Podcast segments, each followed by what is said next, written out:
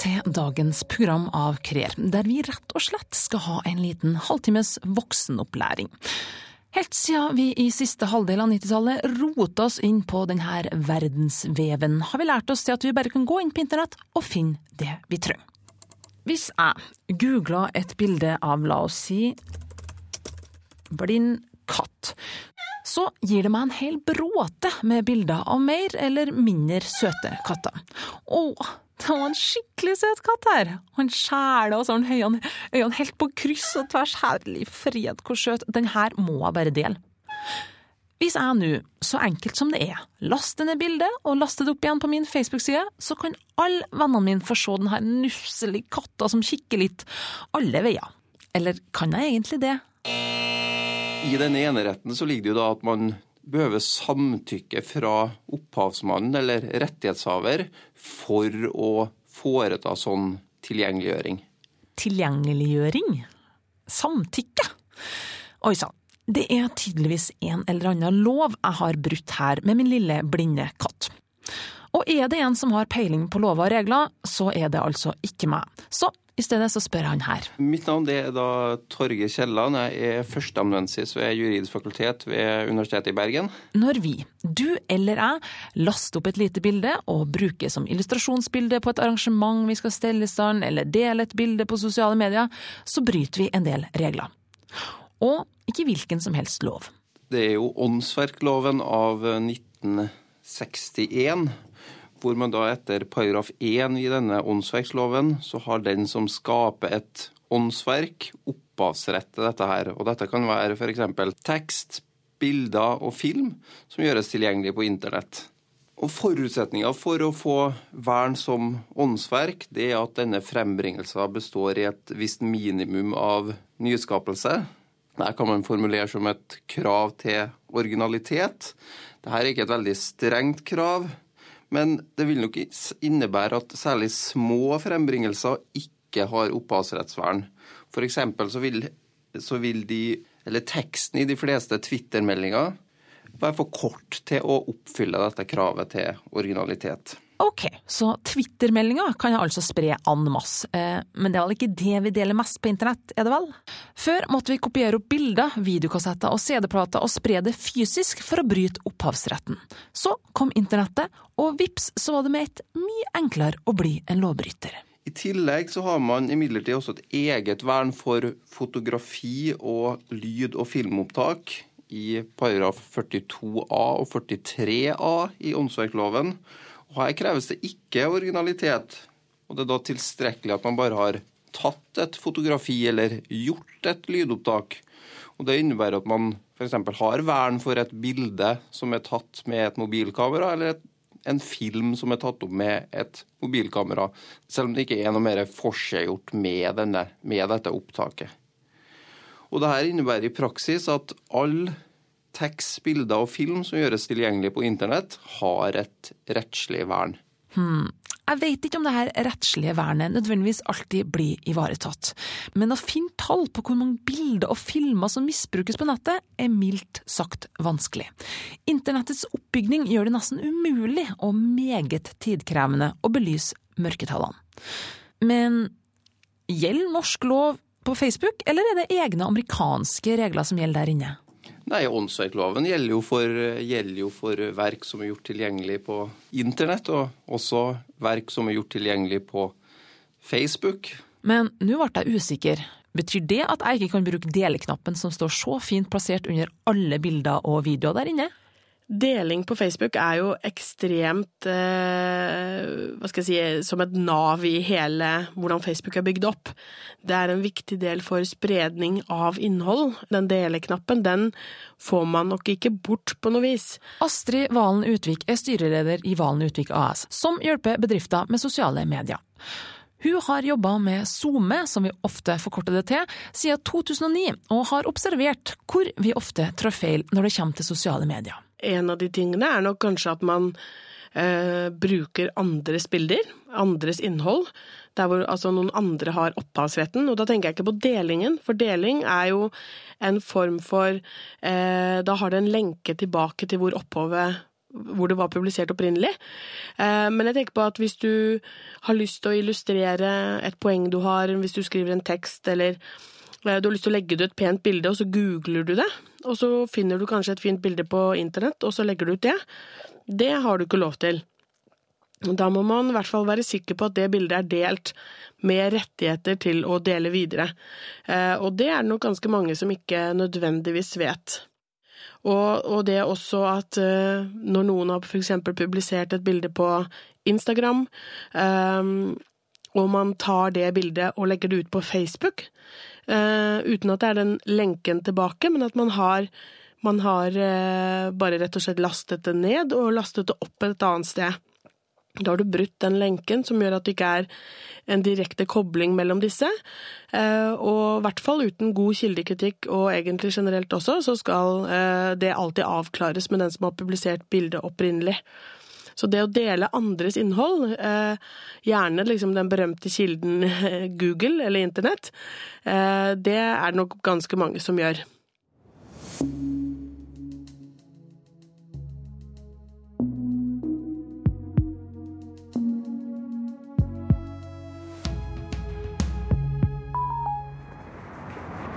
Ute er det surt og kaldt. Mens inne er det koselig julestemning. Og blant alle fint innpakka gaver og hvitspraya bjørkestammer står fotograf Erik Fagerheim og viser meg rundt i studioet sitt. Har du pakka inn sjøl, alle? Det er ei anna som har gjort. Jeg kan ikke pakke pakka i hele tatt. Og så mangler bare juletreet inne. Så er det julestemning. Ja, skal ha juletre med, som skal være ute i andre rommet. Og så inn her så skal det være litt mer sånn vinterstemning, da. Erik fotograferer det meste. Fra smårullinger kledde som julenisser, forsiktige konfirmanter og erfarne modeller. Til ikke fullt så levende ting som inngår i produktreklame. Og han opplever med jevne mellomrom at bildene hans er i overkant populære på nettet. For et år siden så var det noen fotografer som brukte bilder fra flere fotografer for å markedsføre seg sjøl. Det er jo litt sånn kjedelig sak, men det, det, er jo, det, er jo, det som er ulempen med Facebook, at hvem som helst kan egentlig klippe om bildene og så bruke det i sitt eget galleri for å markedsføre seg sjøl. Var det norske fotografer? Det var en eh, norsk person, ja. Fotograf, kaller vi den. Han hadde i hvert fall eh, lyst Men han likte bildene dine tydeligvis veldig godt, da? Ja, det var ikke bare mine bilder han hadde brukt, da. det var veldig mye andre sine også, da. Så han plukka litt her og der. Det er sånne ting som skjer hele tida, egentlig. Det å bare dra på en fotografforum i, på Facebook og høre, høre hvor mange som har fått sine bilder misbrukt, så er det ganske mange som har opplevd noe sånt. Men det er jo sånn at legger du ting ut på nett, så mister du kontrollen over eh, materialet ditt. Hvordan oppleves det for deg som profesjonell fotograf å se at du Ja, eller mis, å miste kontrollen, rett og slett? Ja, det skjer heldigvis ikke så, så altfor ofte. Det skjer av og til, men uh, man, man, legger jo sine forhåndsregler på det. Man har jo man har jo informasjon i bildene hvem som eier bildene, pluss at uh, vannmerker bildene, da. Hører vi jo. Men hvem som helst som har erfaring, kan jo fjerne hvilke som helst eh, vannmerker på de digitale bildene. Mm. Så det er litt uh, Det er en sånn bakstykke med det, men, uh, men det veier opp med fordelene, da. Gjør det. Så så man må jo også tenke på hva slags eh, type bilder man legger ut også. Erik inngår nemlig en avtale med sine kunder om at han kan bruke bildene på sin Facebook-side. Men han gir også reservasjonsrett til f.eks. For foreldre som ikke vil at bildene av ungene deres skal spres.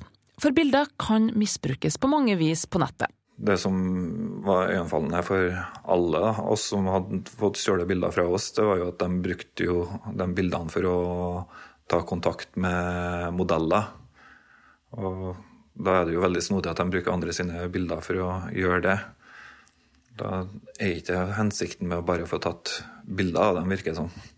Altså, tok de, kontakt, hva, tok de kontakt med modellene for å sånn Hei, vil du gå på date med meg, eller vil du jobbe for meg? Hva var det type kontakt de tok?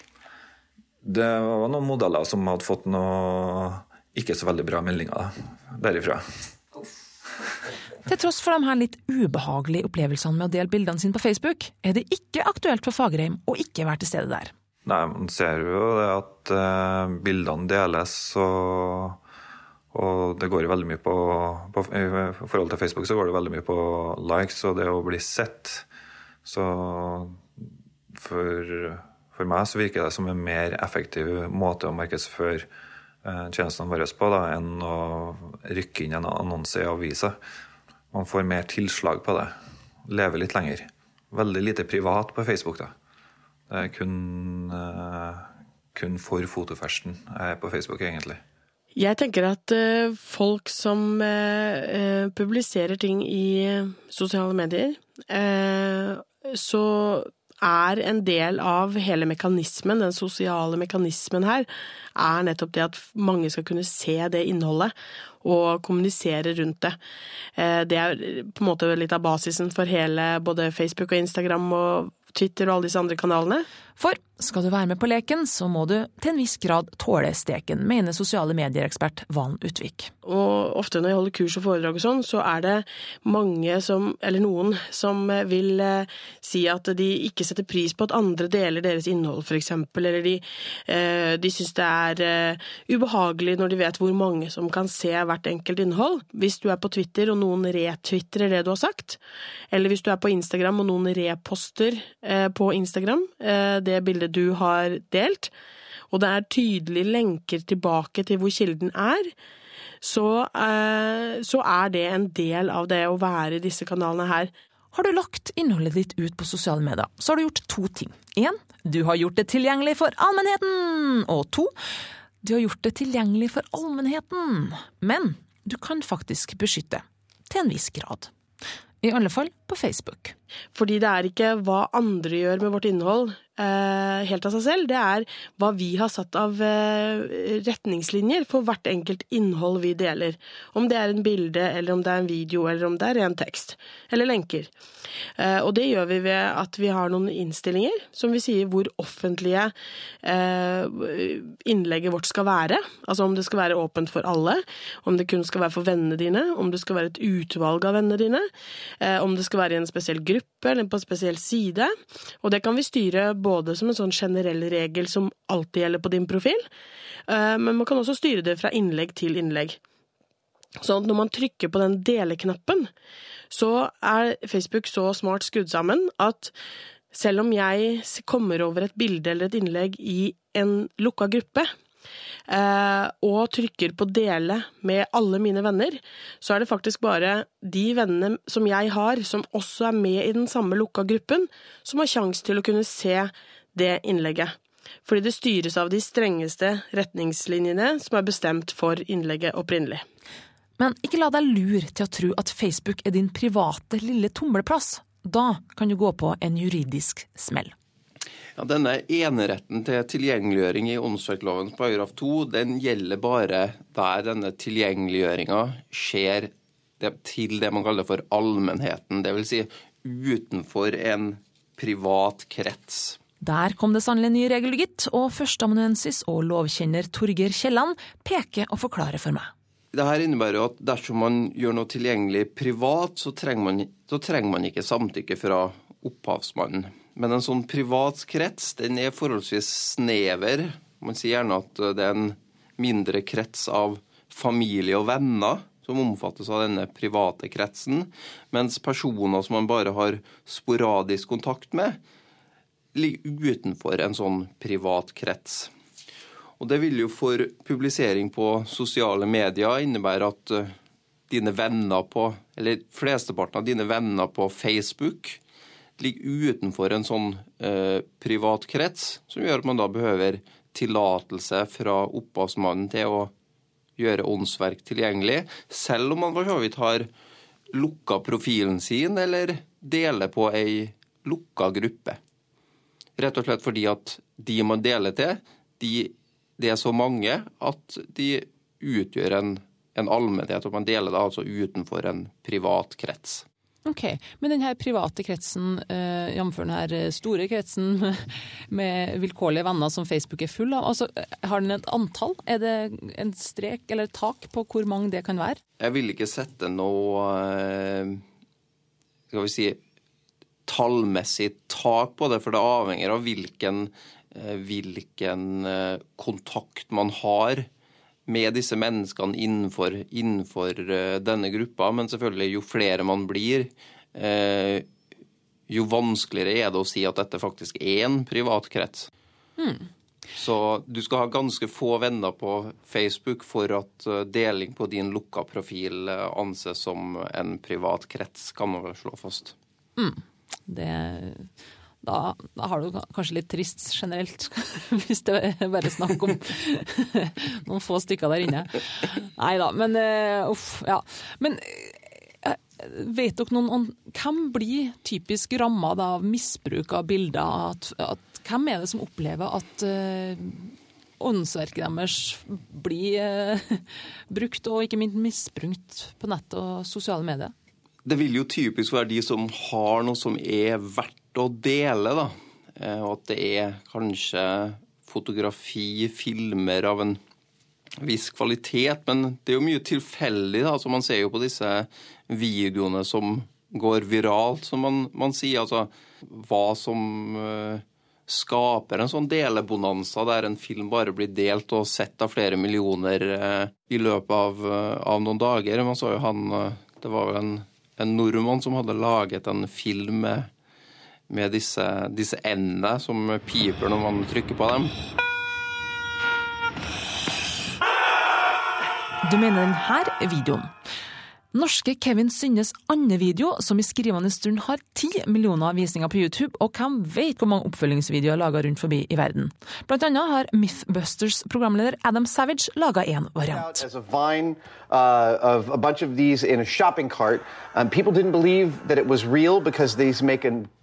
Jeg tror mange privatpersoner som får tingene sine delt på denne måten, uh, føler at det er bare morsomt at så mange ser på min video, deler, deler mine ting.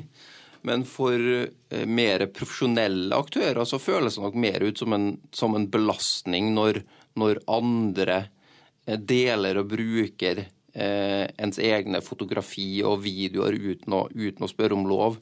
Og Det har jo kanskje litt med det økonomiske aspektet, da, særlig hvis man, man lever av å, av å produsere Eh, denne type ting, så, så føles det føles ikke helt riktig når, når, eh, andre kanskje tjener penger på ens egne, egne bilder og, og videoer.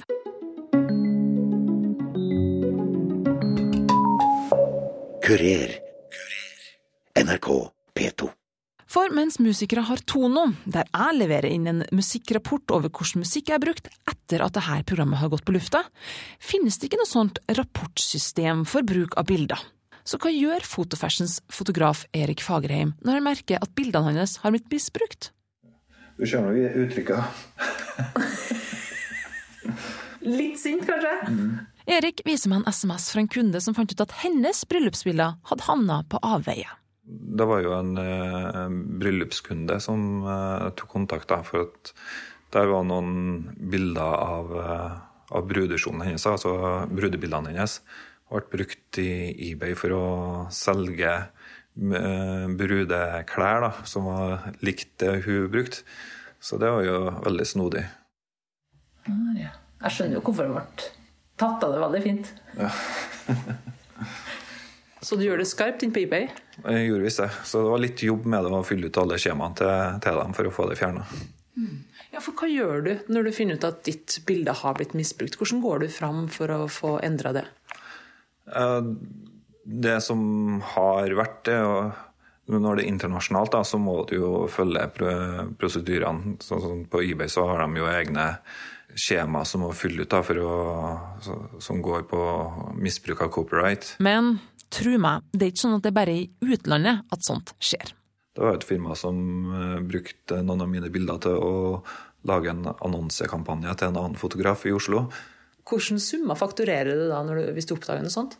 Nei, altså hvis, uh, hvis en avis f.eks. uh, bruker et bilde til en helsideannonse, så, så tar man jo klekkelig betalt for det. Gjerne dobbelt av det man ville ha gjort ellers. Som, som en advarsel. Hva, hva har skjedd når du faktisk har fakturert folk? Nei, jeg har fått eh, betaling og be beklagelse for det. Det har jeg gjort. Da lurer jeg på, hva sto det i den beklagelsen når du eh, fikk betalinga di?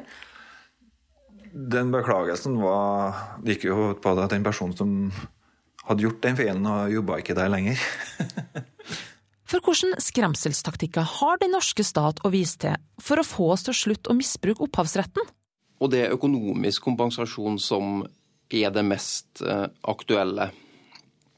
Man har enkelte eksempler på, eh, på, straff for denne type inngrep. Det var blant For noen år siden så gjorde VG Nett eh, filmen 'Pitbull-Terje' tilgjengelig for strømming på sine nettsider. Og da var det Det var før premieren, tror jeg. Og da var det en som hadde da kopiert denne strømmen og lagt den ut for nedlasting på internett. Og han ble dømt til til betinga fengsel for å ha da for dette opphavsrettsinngrepet. Men, men, straff som sanksjon mot opphavsrettsinngrep er forholdsvis sjelden. Hvis man vil ha erstatning og man ikke får svar på en, en utsendt faktura, det er jo å, er å gå til, til domstolene. Det er jo først, først forliksrådet og eventuelt da tingrett og lagmannsrett. Men det er jo en, både en kostbar og ganske omfattende prosess, og jeg tenker meg at de, de færreste vil, vil eh, orke å, å, ha økonomi til å gå gjennom noe sånt, særlig hvis det gjelder et mindre inngrep, f.eks. en deling av et bilde. Jeg har ikke lyst til å verken få fengselsdom eller en feit faktura i posten. Hvordan går jeg fram for å holde min sti rein i denne hengemyra av ei gråsone kalt deling på internett? Et eh, godt stikkord er Creative Commons. For da står det noe om rettighetene der, hvor du har lov til å bruke de bildene. Noen av de har du lov til å bruke sånn som bildene er. Andre bilder har du også lov til til og med å redigere. Og eh, du har lov til å kunne bruke noen bilder i kommersiell sammenheng. Selv om de da var gratis i eh, utgangspunktet.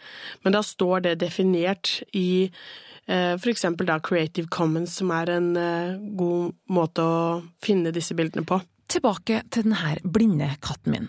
Hvis jeg søker på blind katt og Creative Commons, så får jeg betraktelig færre blinde katter, du gitt. Men om jeg skriver på engelsk, derimot, Blind Cat Creative Commons da dukker det opp desto flere katter som ikke ser ut som de ser ut, egentlig.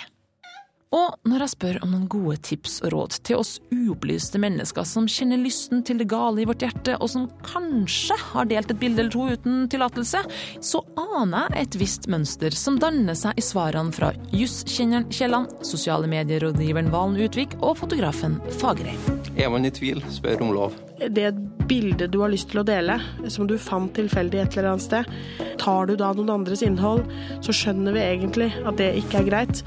Så det å, å bruke sunn fornuft og, og, ha litt god folkeskikk, det tror jeg egentlig man kommer veldig langt med. Eh, man bør eh, spørre den som eier bildet om lov, i utgangspunktet. For hvis man legger ut et bilde som, eh, som ikke er deres, og den personen finner ut det og ikke syns det er helt greit, så har jo den personen som eier bildet, lov til å fakturere det.